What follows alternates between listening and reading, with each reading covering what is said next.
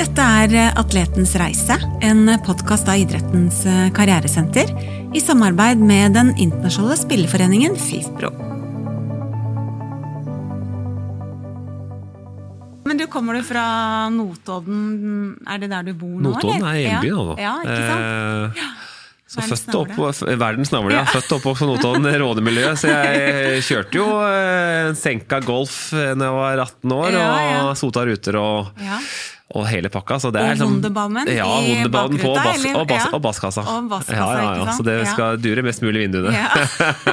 det var sånn i, da, så jeg husker det når jeg kom til Drammen. så første jeg husker av meg var at jeg kom med vinduene nede, og det var eh, ti minus ute. Men for musikken skal ut, vet du. Så, da må du kjøre rolo- over fartsdumpene, fordi de skraper så i bilen. Så det er, det er litt sånn Notodden. Men eh, det har mye mye mer, da. Ikke bare råning, men det er mye mer, mer òg. Ikke sant? Men eh, er det sånn at du bor der nå og pendler eh, til Drammen? For du, nei, spil, nei, nå spilte du på Notodden. Ja, Var det nå jeg, jeg, har, jeg bygde hus i Notodden da jeg kom hjem fra Tyskland. Eh, så jeg har bodd der nå de siste fem åra.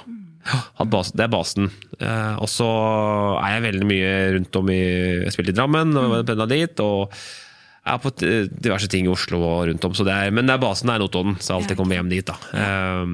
Men ja, det er Notodden som, eh, som er tingen nå. Som er tingen, ja, ikke sant? Jeg veit faktisk hvor Noragutt du er. Altså, Du vet, ja, det ja, er- for ja. Ja, togstasjonen er Ja, sikkert Ja. Men, men ikke bare det, vi har nemlig noen familievenner som, eh, som bor der. Ja, jeg ser det. Så, ikke, så jeg har jo kjørt gjennom, da kjører vi jo gjennom Notodden. Nå er det mange år siden jeg har vært der, da, men det er jo ikke Nå sier du det som alle andre sier. Kjører igjennom. Ja. Bare kjører igjennom Notodden, og det er, men nå har jeg faktisk fått kjøpesenteret er blitt veldig fint. Det har blitt. Mm. veldig mange butikker, og McDonald's er kommet til Notodden, og Burger King. Og altså nå Ja. store kjeden har fått øynene opp for, eh, for Notodden, altså. Skjønner. Men du, vi må snakke litt om, eh, om eh, idretten din og bakgrunnen din. Hva er, det- hva er det egentlig idretten har betydd for deg? Nei, den har jo Det er, det er litt tøft å si at Eller litt alvorlig å si at det betyr alt for deg, men det har jo på en måte i, i nuet så har det betydd alt for deg. Mm. Det har vært livet ditt nå i, i Når man starter med håndball eller idretten i 25 år, ikke sant. Eh, Så det har på en måte vært alt eh, fra tidlig av.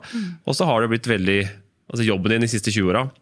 Eh, Så for meg så har det betydd ekstremt mye. Eh, Det har skaffa meg venner for livet, skaffa meg et nettverk for livet. Eh, Og den erfaringa som jeg har tatt med meg både på og utenfor banen, er jo på en måte noe jeg tar med meg videre i, i livet generelt, da, og eh, hva som skjer videre. Så det betyr så mye, og det betyr så mye på opplevelser og på erfaringer. Da.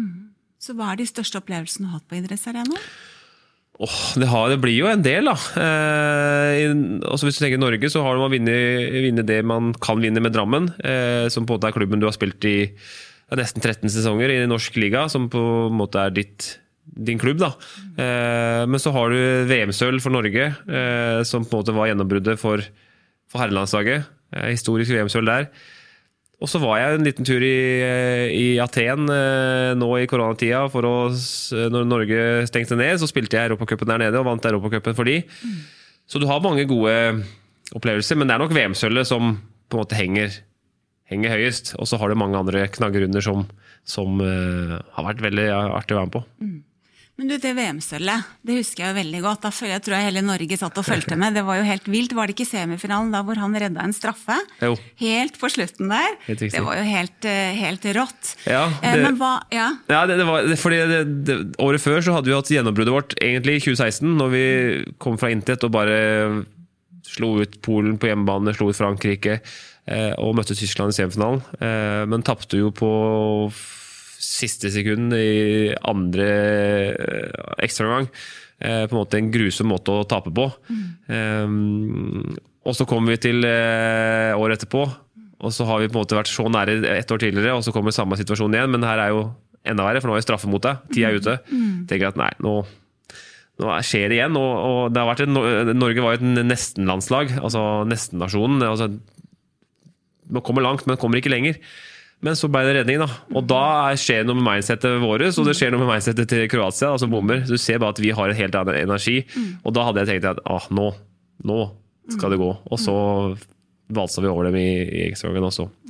Så blei det en historisk finale men, eh, som ikke ble seier i, men eh, det VM-sølvet var det var godt som gull, og jeg tror alle var eh, Det tenker en dag i dag at det var eh, en ekstrem eh, Ja, en ekstrem tid.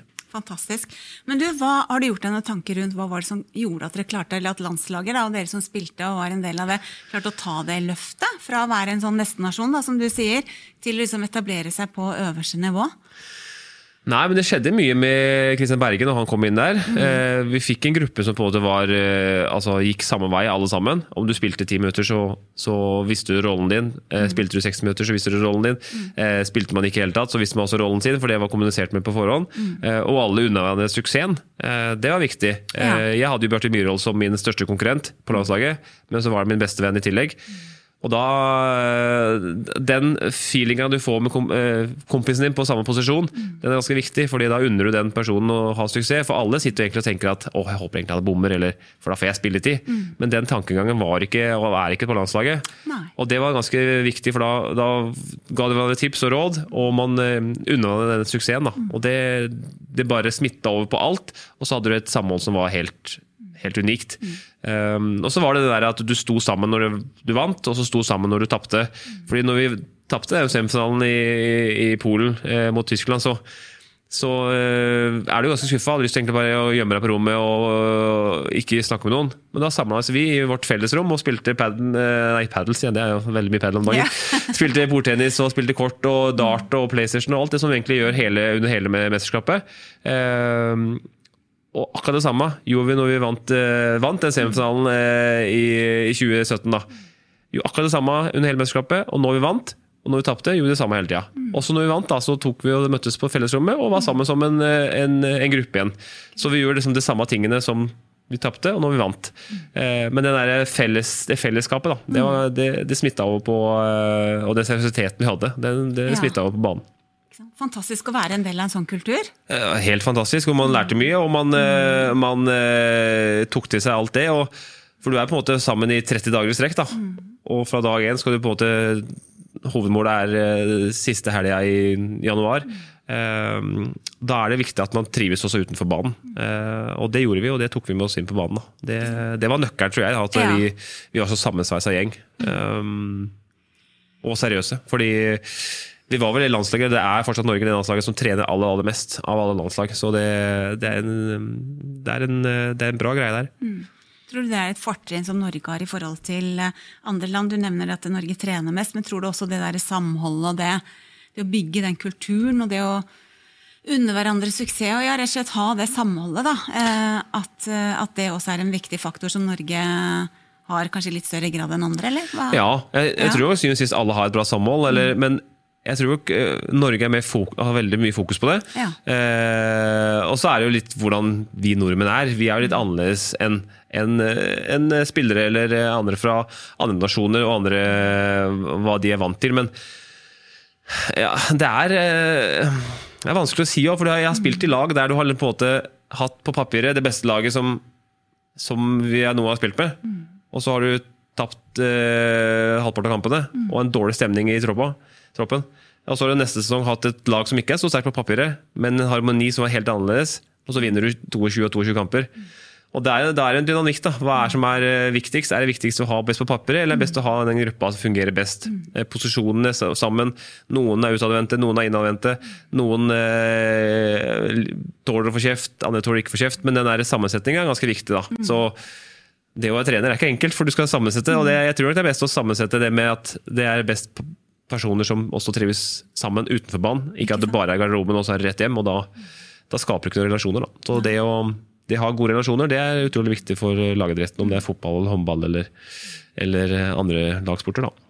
Og ikke minst i livet òg, så er det utrolig viktig med gode relasjoner. Ja, ja, det er uh, alfa og omega. Så det Nei, det er, eh, det er i hvert fall ekstremt bra når jeg var på landslaget, og det veit jeg at det, det er i dag i dag òg. Men du, hva vil du si er dine viktigste egenskaper som gjør at du har lykkes så godt på håndballbanen? Hvis det er egenskap, så vet jeg ikke om det er sta. Ja. Eh, veldig sta. Og så hvis jeg setter meg et mål, så skal jeg nå det målet. Eh, jeg er tålmodig, fordi jeg har 79 landskamper. Men jeg burde kanskje hatt eh, 120, med tanke på hvor lenge jeg har vært på landslaget. Det betyr at jeg har, det sier jeg til barn og unge, jeg, det har svinger veldig. Altså jeg har vært på landslaget, jeg har vært på kamper, og så har du vært med, og så har det gått en bølgedal. Nei, jeg er ikke med på øh, kampene. Du sitter utenfor, du er 17. mann. Da får du ikke registrert landskampen. Og så er du med igjen, og så er det sånn, sånn hele tida. Eh, men den tålmodigheten der, at du ikke skal gi opp, da, eh, og vite at eh, en dag så får du betalt for det, den, eh, den egenskapen tror jeg er eh, Ja, har jeg, har jeg med meg. Og det, som sagt, så burde jeg tatt 120 landskap i forhold til antall år, men eh, det svinger, og sånn gjør det i livet òg. Men da er det viktig at man er tålmodig og tenker at det, det ordner seg til slutt. Og det, det gjorde det jo da med at jeg fikk være med på den reisa i, i, på slutten på landslaget. der. Fantastisk. Men du, vi må snakke litt om den veldedige organisasjonen som du og Stefan Strandberg driver sammen. Kan ikke du fortelle litt? Ja, det er jo Step by Step Charity, heter den. Eh, Den begynte vi sammen i 2018, tror jeg det var. Eh, Nå er det så mange år siden, så nå begynner det å mange år. Eh, Og det var egentlig bare erfaringer fra utlandet selv. Eh, Jeg hadde hatt noen tilfeller der unge spillere spurte om eller hadde på seg noen hølete sko på laget. Jeg spurte de om ok, trenger du et par nye sko, eller skal vi hjelpe deg. Og den, den takknemligheten de viste når de fikk hjelp, eh, det tenkte jeg, det der er jo en eh, Det er sikkert mange som har det sånn. Eh, og den følelsen selv av å hjelpe andre, den, den er, det er en god følelse. Og det samme med Stefan. Når han var i utlandet, så så han bare den, den takknemligheten med å kunne hjelpe andre i fotballskole, med klær og sånt noe. Skal vi ikke sammen da kanskje lage noe? Skal vi lage en stiftelse? Og så sitter vi sammen da, og prater sammen og holder på, men det kan tenke deg at når to, en fotballspiller og en håndballspiller skal drive og snakke opp stiftelse, og det er mye regler, og det er eh, Altinn, og det er Brønnøysundregisteret, og det er helt, hele regla, så koker det jo. Men vi klarte det. Med god hjelp for mange så klarte vi å opprette en stiftelse eh, som på en måte skal være et sted som der terskelen ikke er for høy til å, til å spørre om hjelp. Fordi vi selv mener jo at alle er et sted i livet der man må be om hjelp, og skal be om hjelp, og vi har vært der selv. Alle har vært et sted i livet der man ønsker å be om hjelp. Selv om man er stor og sterk på banen, eller veien enn er, så kommer man et punkt der man ikke har det så bra. Eh, Så vi ønsker å få frem det at det hos oss er ikke farlig å spørre om hjelp. Så, så vi bare bygd den egentlig bare nesten sånn step by step, steg for steg, og så, og så har den blitt på en måte litt, dessverre, blitt veldig stor. eh, fordi det betyr at det er mange som trenger hjelp. Men på en måte bra igjen at vi har den, at da har vi et sted som mange henvender seg til og, og, og forteller sin historie. Og, og vi lager eh, en, en greie for de, da. Så det har på en måte utviklet seg bare fra en fin tanke til å, til å blitt en eh, organisasjon som vi er veldig veldig stolt av. Det er på en måte vår eh, hjertesak, eller vår altså Det er på en måte, ja, det, er, det betyr alt for meg, altså. Fantastisk.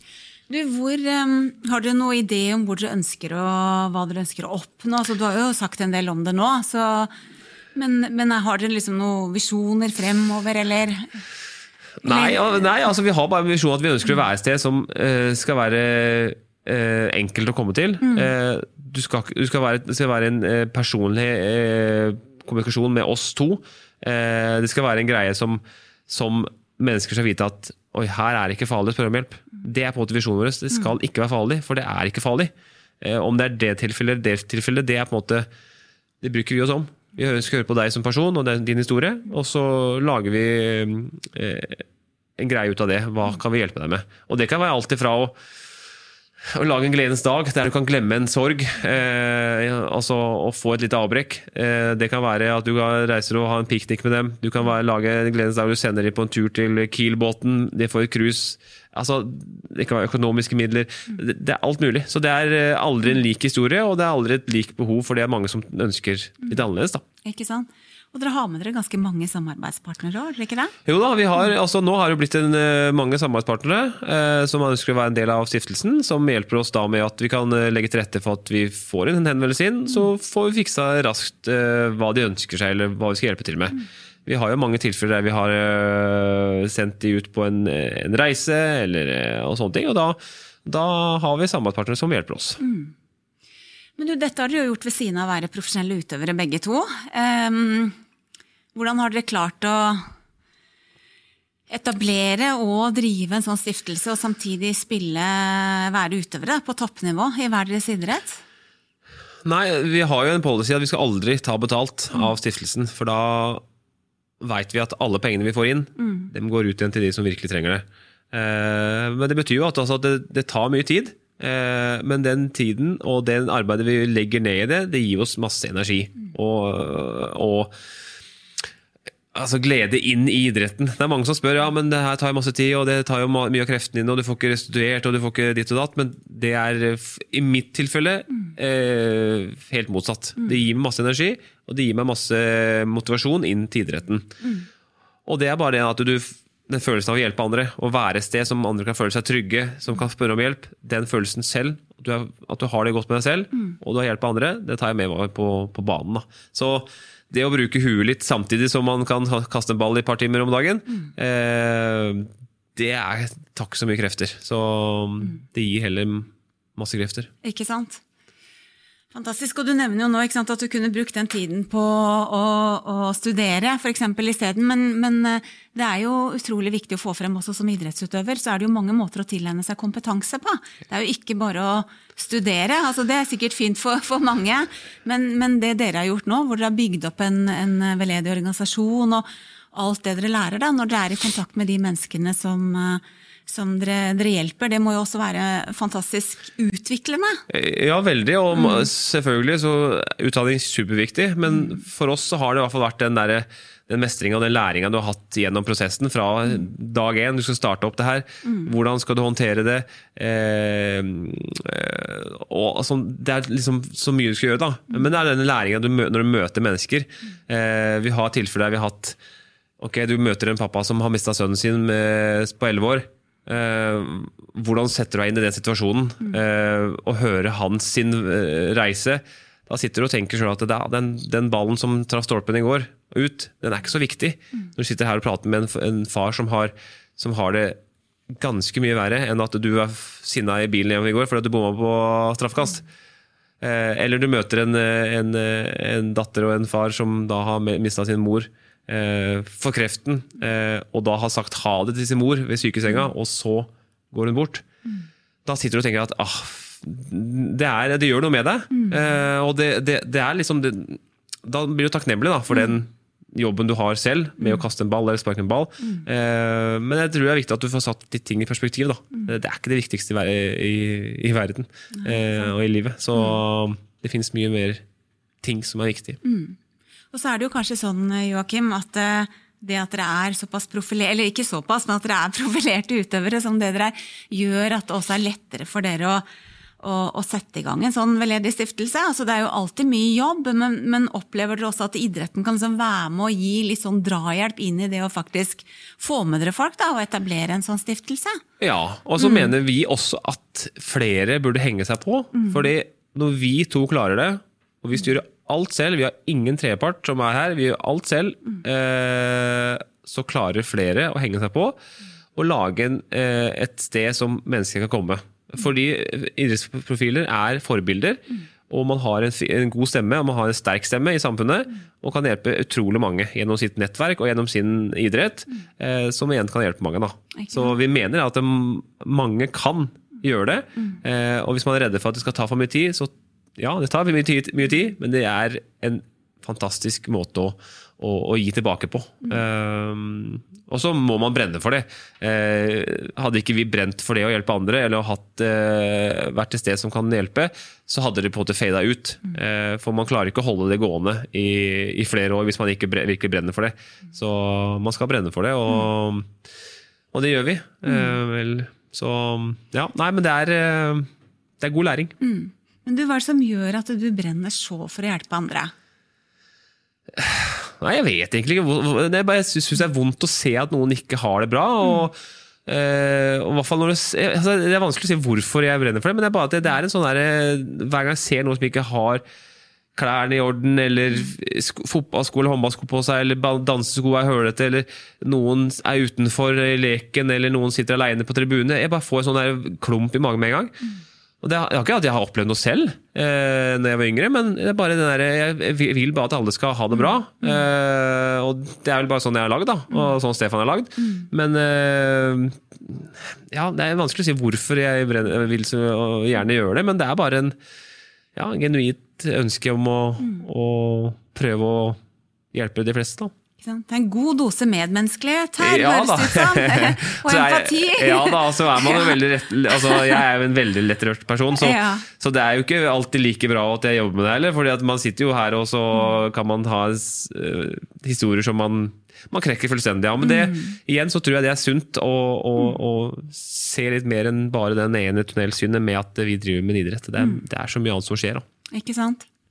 Fantastisk. Opplever du at det er ja, Du sa det jo selv, du oppfordra egentlig flere utøvere til å bidra. Bruke, bruke det at man er forbilde, ikke sant. Eh, Bidra på ulike arenaer. Men opplever du at, at det er noe fokus på det? Eller har det vært noe fokus på det, de miljøene du har vært en del av? Dette med å liksom gjøre noe ved siden av, da?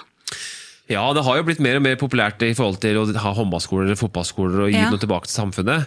Eh, og så er det jo mange som er flinke med det med utdanning òg, og, og det har vært et fokus på at vi i hvert fall i Tyskland jeg spilte der, så Ja. er det mange som, som hadde studier ved siden av. Men så er det også mange som bruker den bussturen på åtte timer og spiller PlayStation. Eh, så det er mange som tar litt lett på det. Eh, men det er nok mange som har fokus på at nei, nå har vi åtte timer, og så kan vi sitte fire timer på PlayStation og fire timer eh, med skole.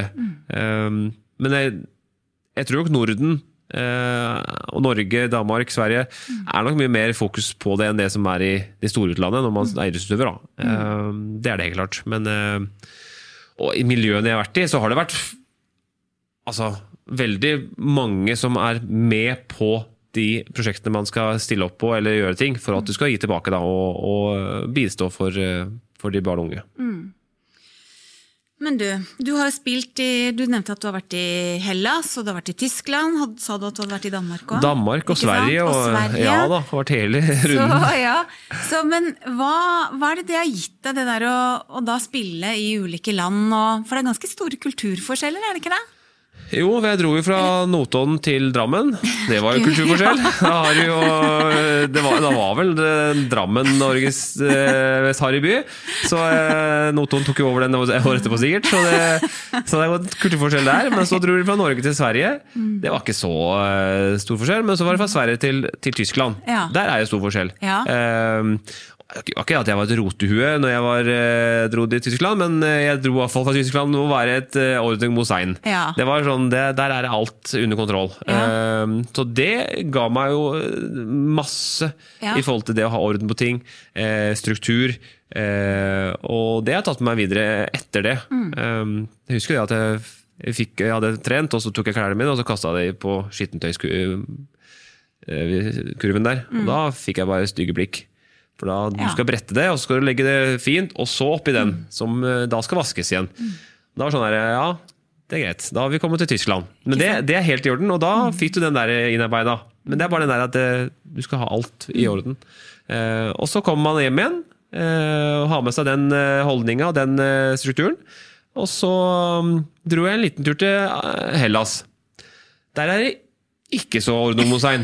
Der er det der er helt, helt annerledes. Der måtte jeg skrive under kontrakten min under treninga. Eh, fordi at jeg fikk bilde på WhatsApp av, økt, av, av avtalen. At nå er alt i orden. Så ja, men et, bilde hjelper ikke for meg. Jeg skal signere. Alt skal i orden. Og da kom den under treninga, og så Her har du kontrakten jeg må signere. Ja, det var klister på hendene, og det var liksom et annet, da. Så, så det er store forskjeller, men det er jeg er også litt sånn at mange tenker at man reiser til utlandet, og så sier man at ja, men det, er, det tar tid å tilvenne seg. Mm. Det tar tid å komme med nytt språk. Det tar tid å komme inn i laget. Ja, det, det gjør det, men det kommer helt an på deg selv eh, hvordan du ønsker å tilvenne deg. Fordi jeg har tilvennet meg å være i Aten i åtte uker, eh, men på de åtte ukene som jeg var der, så føltes det som du har vært der i flere år, for du fikk såpass bra connection med spillerne. Og så må du lære av de, at de har helt andre måter å leve på enn det du har. Eh, og så er det å være i forkant. I Tyskland så er det det å lære seg språk. Kommer man dit og ikke har brydd seg om, og hvis du vet at du skal til en klubb om et halvt år, så, så lærer man seg det språket. Hvis man ikke gjør det, så, så sitter du der, og så er du ikke med i gruppa, fordi du kan ikke, skjønner ikke hva de sier. Men å være litt i forkant og, og være forberedt, da, det er ganske viktig. Så det at man sier at det er så, tar så lang tid, det er jeg ikke helt eh, enig i. For det, det kommer helt an på hvordan du forbereder deg for å reise ut til store utlandet. Så du har jo åpenbart lært utrolig mye av eh, Som du sier, du lærer språk. Du lærte du gresk òg, eller? eller? eh? Jeg hadde noen gloser der, jeg vet ikke om de ja. passer inn her, men, eh, men eh, det var litt sånn eh, tallsystem også, men eh, det, man måtte jo bare det. det men, eh, så det var eh, lærerikt, det. Ikke sant? Og Du sier at man måtte jo bare det, men er det din erfaring at alle gjør det? Eller er det noen som på en måte ikke sitter, er så fremme i skoa som det du har vært, og som på en måte blir litt mer overraska når man kommer dit? Ja. Over liksom det, det som møter deg? Det er nok mange som blir overraska, ja. Ja. Eh, I forhold til det med språk, for eksempel, så er det mange som Du får jo alltid tysk, eller språkskole når du kommer til land. Det er ikke alle som gjør det. Eh, Og jeg har spilt med mange spillere i Tyskland som fortsatt snakker engelsk, og har spilt her i flere år. Og hva er grunnen til det? Da, da tror jeg ikke du gidder å reise på den tyskskolen år, det året for å lære deg det grunnleggende. Eh, Så det er ganske viktig. Og så er det å tilpasse seg den kulturen du er i. Eh, Som igjen av Tyskland, som jeg var i fem år, som på en måte var min største karriere der, det var jo Altså, du, du kommer ikke for seint. Eh, du kommer ikke halvveis. Eh, du kommer ikke rett før du skal møte opp. Eh, altså, du glemmer ikke å ta med seg det, fordi at de er så nøye på det. Eh, og det, gjør du sånne ting, så blir det irritasjonsmoment da, eh, i den, den gjengen du skal være i, og det, det er ikke bra. Du, du nevnte det med å tilpasse seg, og det å være fremme i skoa, ta regi og sørge for at du er forberedt og sånn. Dette er jo helt nydelig å høre på også i forhold til arbeidslivet, altså sånn utafor idretten. For noe av det som er ekstremt viktig der, er at man klarer å tilpasse seg de miljøene og det som kreves inn i ulike, ulike organisasjoner. Har du tenkt noe på det livet som kommer den dagen du liksom er helt ferdig med den aktive idrettskarrieren din. Du driver jo nå step by step, men, men det er kanskje ikke det du skal leve av, siden det er en non-profit-organisasjon. da. Har, har du Ja, og det har jo begynt eh, veldig de siste åra. Ja. Eh, og jeg har jo, det sa jeg til fruen der hjemme, at jeg blir veldig eh, Jeg kjenner at det, tårene presser litt på når jeg ser andre annonsere at man skal legge opp. Fordi man vet sjøl at det er så nærme. Og det har jo vært en del av altså 20 år av, av livet ditt. Eh, så jeg har jo siste åra begynt å forberede meg på at en dag, den kommer. Men jeg har en følelse at det skal bli veldig deilig eh, å komme dit. Eh, og ta med seg all den erfaringen man har inn i et eventuelt arbeidsliv. Fordi å drive med lagidrett er akkurat som å drive med drift. Eh, hvis venstrekanten ikke jobben i forsvar, så går det utover neste person, venstrebekken. Og hvis ikke han gjør jobben sin, så går det utover midtbekken. Og hvis ikke han gjør jobben sin, så går det neste. Men hvis han scorer på høyrebekken mot han som ikke gjør jobben sin, så får han som får kjeften. Men det er egentlig venstrekanten sin oppgave å pakke inn forsvaret, så at han skal være tett rundt han. Så det er ikke alltid det er Og det er samme som arbeidslivet. Hvis han ikke gjør jobben sin, så er det kanskje en annen som får skylda, fordi at det er det som er sluttproduktet. Men det er hele, hele pakka fra starten av. At man går på samme, samme vei, og man både jobber sammen og gjør jobben sin fra, fra første, første steg.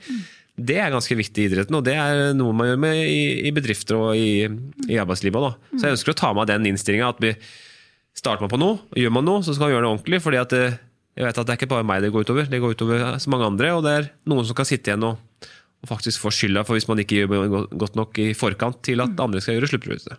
Så, så øh, jeg har jo begynt å tenke på det, og det er egentlig en veldig sånn god følelse, men så, så får man emos- emosjonell inn at åh, det blir rart å ikke kaste ballen der, og det blir rart å ikke være i gruppa i garderoben og alt det der. Så det er jo en, det er jo en sånn Men jeg, jeg har ikke noe hva skal man si, jeg har ikke noe sånn øh, stort stress rundt det. Nei. Det har jeg ikke. Men, mm. men eh, Så jeg, jeg gleder meg òg. Fordi eh, det begynner jo å tære på alt av samvittighet og, og alt for de der hjemme, så det er jo den som, som på en måte spiser deg opp litt. At du, du har dårlig samvittighet for, overfor de hjemme.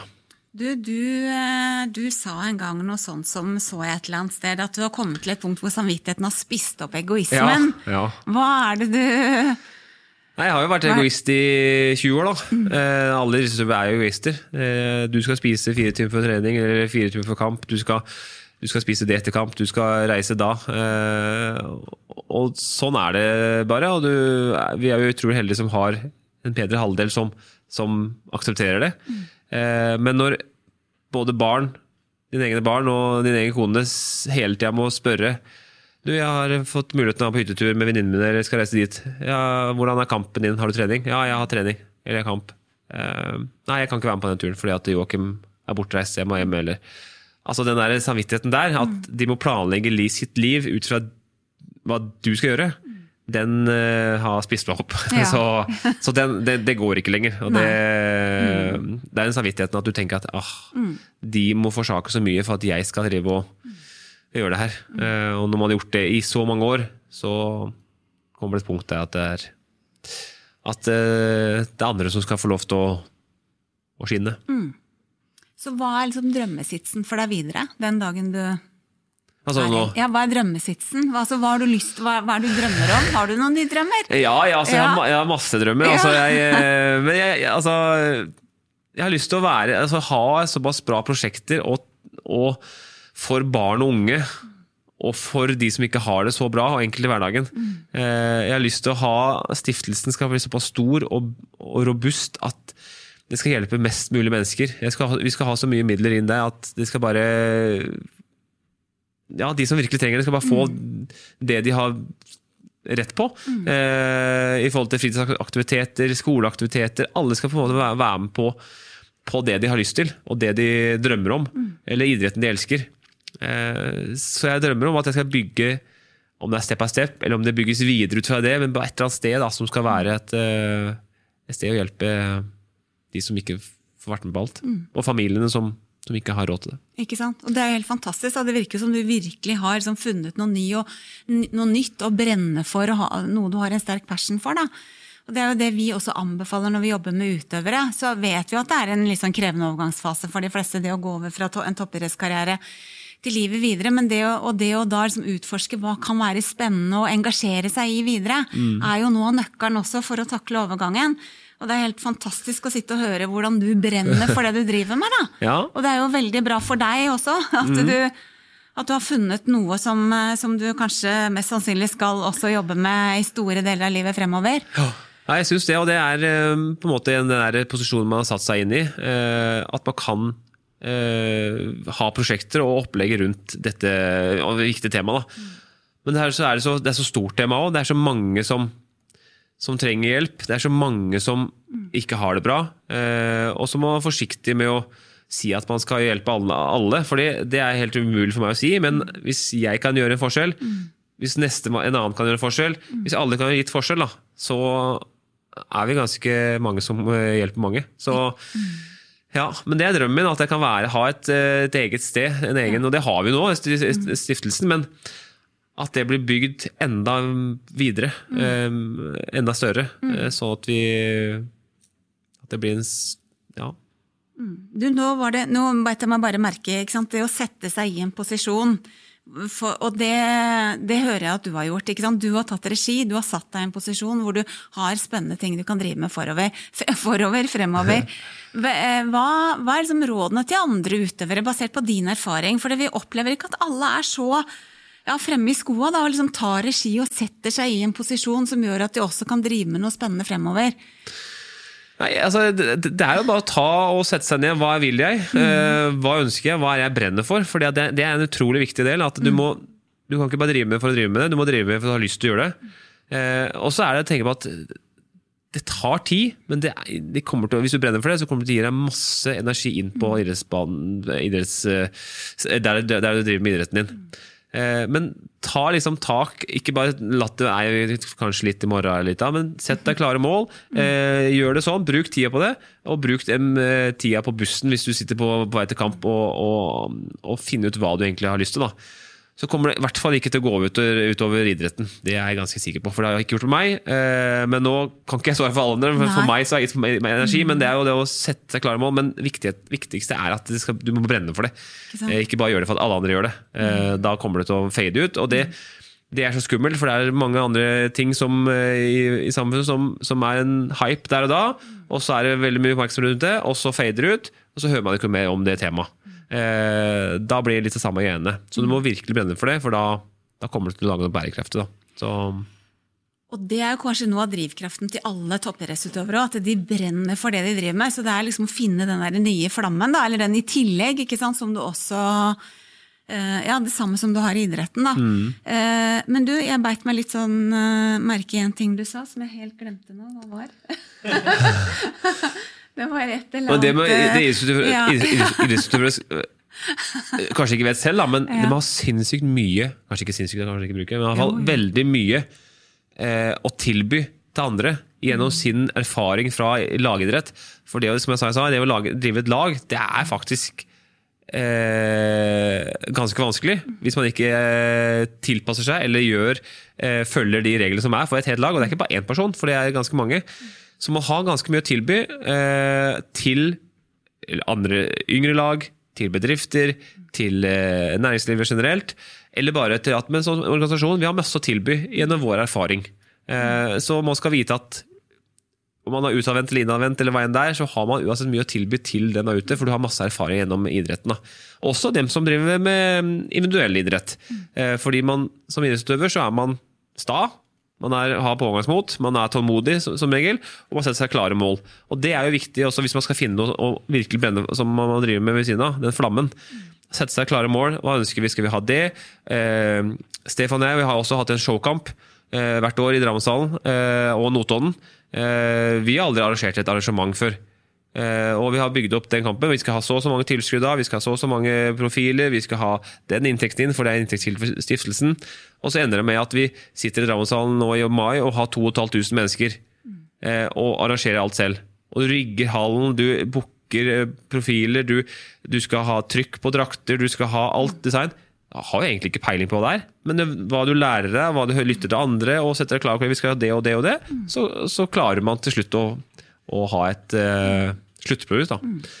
Det er helt nydelig å høre på. Så det var altså. artig det når Stefan Strandberg sto og dro ut tribuner i Drammenshallen manuelt med en sånn kran, og det sto der fredagskvelden, og så det, da og så et par dager etterpå så var det landskamp mot eh, Sverige, så, så du ser at eh, Ja, det er, det er mulig, det. Og han har jo virkelig, Nå skal ikke vi snakke om Stefan Strandberg, men han har jo virkelig markert seg også på landslaget nå. Og tatt en, eh, mm, en flott rolle der. Men du, apropos det med Stefan, hva er det som gjorde at dere, deres veier eh, kryssa hverandre? Han har jo en historie, og jeg har en historie. Jeg vet ikke hvem vi skal bruke, men eh, det var jo et media. Vi hadde et media, for Han spilte i Hannover fotball, og jeg spilte i Hannover håndball. Og så, og så var det en nordmenn i Hannover. Bare en, en mediasak. Så hadde vi intervju med, sammen med det. Ofte, Og, så sier jeg at han spamma meg med etterpå med at eh, nå skal vi ha lunsj, og nå skal du være med meg, og alt det men det er på en måte ikke he- helt sannheten. Så vi, etter det møtet så ble det sånn at ok, dette her er jo Vi tar en lunsj sammen. Og etter den lunsjen så skjønte jeg at å, her er det, vi har en god connection, og dette her er eh, Praten gikk sånn, satt i flere timer. Han kjøpte seg en salat og vann, jeg kjøpte meg pizza og brus. Så da ser du forskjellen på fotball og håndball. Så det var jo også en eh, Da skjønte jeg at ok, nå er jeg med håndballspillere. Og en strekspiller i- tillegg. Så det var en artig greie. Men, eh, så det starta egentlig bare et, et vennskap der. Eh, Og det var jo i 2016. Ja. Så i voksen alder, da, å finne sin, en ny bestevenn, mm. det var jo veldig spesielt og, og eh, koselig. Eh, Og så var jo han inne i en tøff tid med hans bror døde eh, for kreften. Eh, Jeg var der når han trengte det. Eh, Og vi knytta vel enda sterkere bånd i den, i den tida som var da. Mm, som var en tøff tid.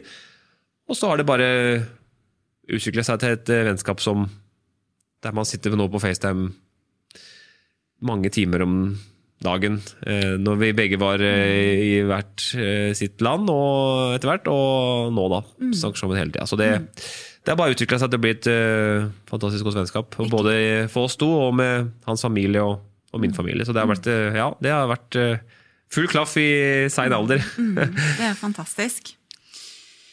Du, hva, hva slags råd ville du gitt til unge utøvere som liksom drømmer om en sånn karriere som du har hatt, og, og andre toppidrettsutøvere som når liksom aller høyeste nivå? Hva, hva er dine råd for å vært, altså, det høres sikkert eh, merkelig ut, men lytt masse til andre når du er ung selv. Spør de eldre om råd. eh, De erfarne spillerne. Hva gjorde du? Hva eh, skal jeg trene på? Eh, og ta til deg den informasjonen fra de som har vært ute i det før. Og så er det sånn at du ikke skal forvente at alt kommer til å gå på skinner hele tida, for det gjør det ikke. Ta det vite at ok, jeg kommer til å ta steg for steg, og det kommer til å være en bølgedaler, og det kommer til å være tøft mange tider. Og når man er i utlandet, hvis man skal til utlandet, eller hva det er, så er det ikke så rosenrødt som man tror at ok, nå skal jeg tjene masse penger, og nå skal jeg bare chille, og det er kafé hver dag, og det er middag på femstjerners middag. Sånn fungerer det ikke. Det er egentlig et ganske kjedelig liv, for du, du reiser på trening, og så reiser du hjem, og så reiser du på trening igjen. Og sånn er det. Og det kan bli veldig, litt sånn eh, ensformig hvis man er aleine. At man sitter faktisk mye aleine hjemme i, i leiligheten eller huset sitt også. Det, det er viktig å tenke på at det kommer til å være mange timer aleine. Og igjen, da, som jeg snakket om tidligere, finne noe som du kan drive med ved siden av. Eh, fordi at det, det Du har, har mange timer. Eh, fordi hvis du trener to timer, dagen- to timer om dagen, så har du mange timer igjen til, å, til å sitte og tenke eller gjøre annet. Men eh, å ta til deg den Altså der du kommer, kulturen, språk Bare vær framme i skoa når det gjelder alt sånne ting, og vis at du virkelig vil, da, og, og inkludere deg i, i det fellesskapet og det, den nye kulturen du kommer til. Veldig gode råd der, altså fra en som absolutt veit hva, han, eh, hva han snakker om. Ja da, ja, men eh, også, altså, sport og spill, det, da får man eh, Men det, det er viktig å det, det, er mye, det, det utenfor banen er mye viktigere, eh, for det på banen eh, Der er man som regel god nok når man eh, blir henta til utlandet eller, eller skal opp på, fra barn til, til herrenivå, så, så er det ganske store forskjeller også, i forhold til det, det fysiske og alt det der. Men det viktigste er at hvordan du ter deg som person. Det er for meg alfa og omega. Et veldig godt råd der helt på tampen. Takk for praten. Takk for praten.